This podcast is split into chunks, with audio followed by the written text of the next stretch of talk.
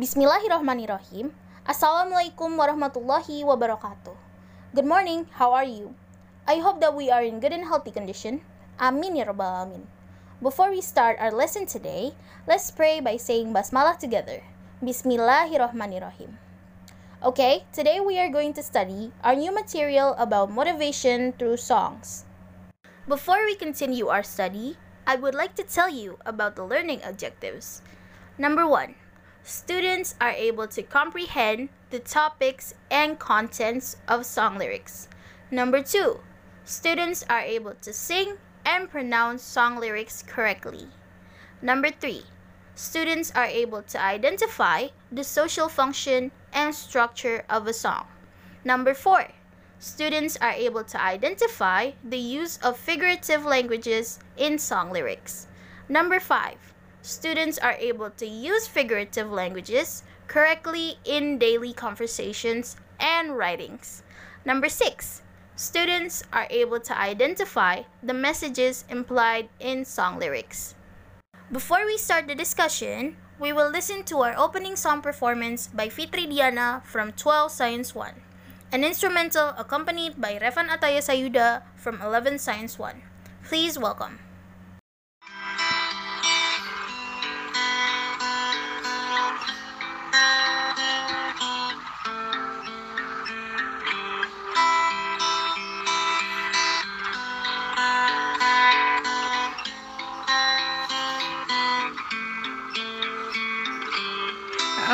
Going under, and this time I feel no one to save me.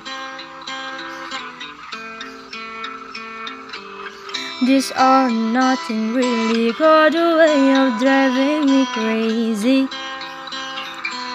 I need somebody to heal, somebody to know, somebody to hate, somebody to hold. It's easy to say, but it's never the same. I guess I kinda like the way you know all the pain, know the day bleeds into nightfall, and you're not here to get me through it all. I let my guard down, and then you pulled the rug. I was getting kinda used to being someone you love. And I tend to close my eyes when it hurts. Sometimes I fall into your arms. I'll be safe in your soul till I come back around. For now the day bleeds into nightfall. And you're not here to get me through it all. I let my guard down and then you pulled the rug. I was getting kinda used to being someone you love.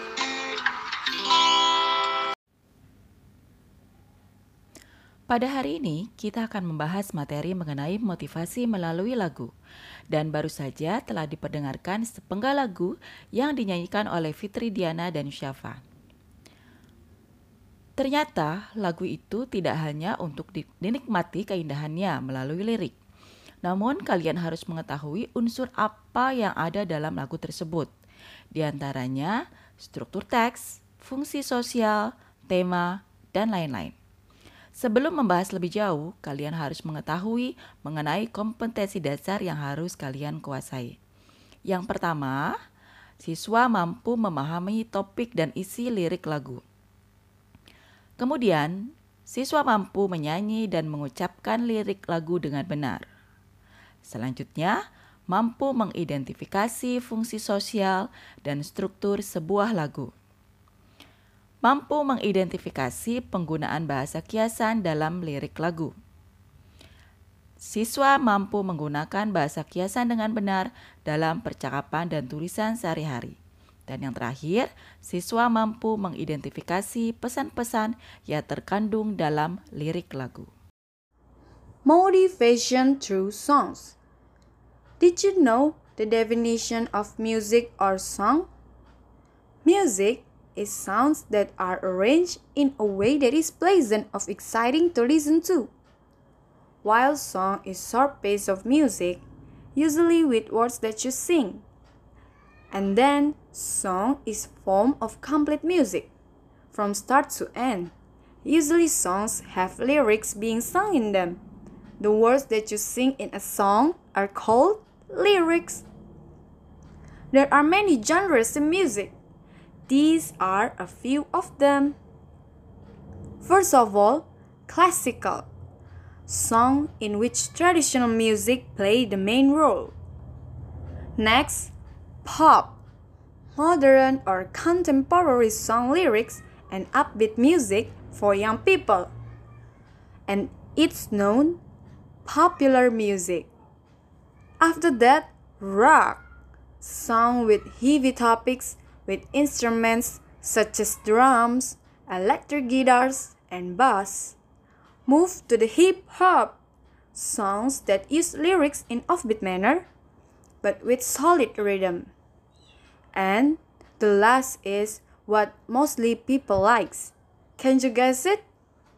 Yeah, love. Song with lyrics that are usually about love. Okay, next we move to the social function or purpose of song. There are many social function of song. They are to inspire the listeners, to express the feeling of the songwriters, to share feeling with others, to teach a lesson to the listeners, to criticize environment or a condition, and to amuse or entertain the listeners. Next, we move to themes of songs. As we know that song lyrics are part of message of music. Lyrics often have common themes. Many songs are about romantic relationship and some are about condition in the world. Some songs are serious, some are silly. Therefore, each song has its own theme. There are some themes of songs as the following love, friendship, family, religious, environment, and life. Next, we move to language features of songs. First, imagery. Imagery describe about feelings and emotions. Second is rhythm. Generally means a movement marked by the regulated succession of strong and weak elements or of opposite or different condition. Selanjutnya mengenai definisi. Yang pertama adalah definisi musik. Musik adalah suara yang diatur sedemikian rupa sehingga menyenangkan untuk dipendengarkan. Untuk definisi lagu adalah salah satu bentuk musik yang lengkap dari awal sampai akhir. Biasanya lagu tersebut memiliki lirik yang dinyanyikan di dalamnya. Kata-kata yang Anda nyanyikan dalam sebuah lagu disebut dengan lirik. Ada banyak jenis genre atau jenis lagu dalam musik, dan ini adalah beberapa di antaranya. Klasik, lagu di mana musik tradisional memainkan peran utama. Selanjutnya pop, lirik lagu modern atau kontemporer, dan musik upbeat untuk kaum muda atau musik populer. Rock, lagu dengan topik berat dengan instrumen seperti drum, gitar elektrik, dan bass. Hip hop, lagu yang menggunakan lirik dengan cara yang tidak biasa, tetapi dengan ritme yang solid. Sedangkan cinta, lagu dengan lirik yang biasanya tentang cinta. Kalian juga harus mengetahui fungsi dan tujuan sosial dari lagu tersebut. Ada beberapa di antaranya untuk menginspirasi pendengar, bisa untuk mengekspresikan perasaan penulis lagu atau berbagi perasaan dengan orang lain, mengajarkan pelajaran kepada para pendengar, mengkritik lingkungan atau kondisi, serta menghibur atau uh, menyenangkan pendengarnya. Figures of speech. Number one, metaphor. Comparing two things that are not alike to suggest that they actually have something in common. For example, one, he is the black sheep of the family. 2. Her hair was silk. Number 2. Simile. Compares two things using like or as. For example, 1. My love is like a red rose. 2. He is as brave as a lion. Number 3. Hyperbole, a dramatic language. Big exaggeration, usually with humor. For example, 1. That math homework took me 8 million years to finish. 2. She is starving or very hungry. Number 4. Personification. An object appear like a person. For example, 1. The wind whisper. 2. The snowflakes dance in the wind. Number 5.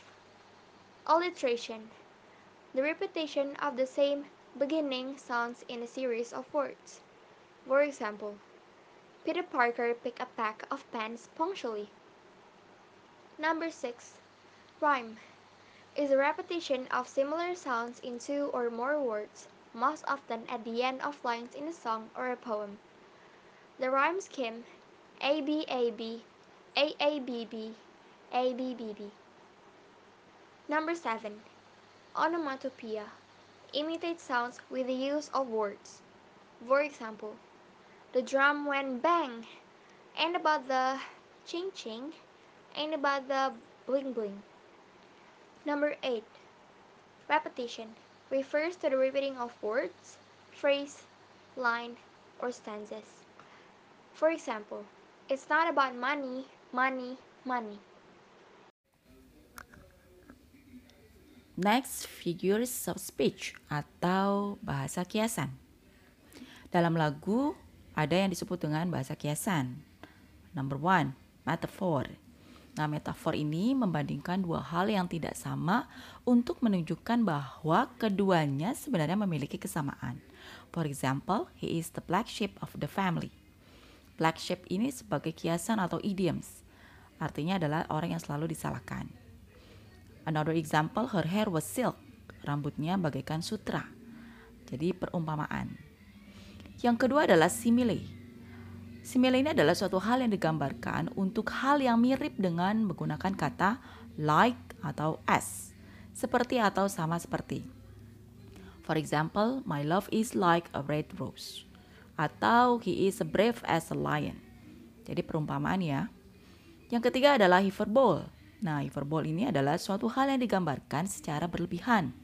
Terkadang kelebihannya ini menggelitik karena terlalu over. Contohnya, that math homework took me 8 million years to finish. Pekerjaan matematika ini mem membawa saya untuk mengerjakan selama 8 juta tahun untuk menyelesaikannya. It is a hyper hyperbole ya, terlalu berlebihan. And then oh for example another example she is starving. Starving ini kelaparan. Ya. Oke, okay, uh, idioms yang keempat atau uh, kata kiasan yang keempat adalah personifications, yaitu objek atau bukan manusia memiliki kemampuan seperti manusia. For example, the wind whisper. Ya, tentu saja anginnya tidak bisa berbisik.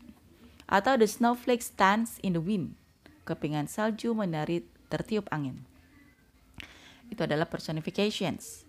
Yang selanjutnya adalah alliterations. Perulangan bunyi suara yang terdapat di awal setiap kata. For example, Peter Parker pick a pack of pens punctually. Perulangan bunyi yang terdapat di awal setiap kata. Oke. Okay?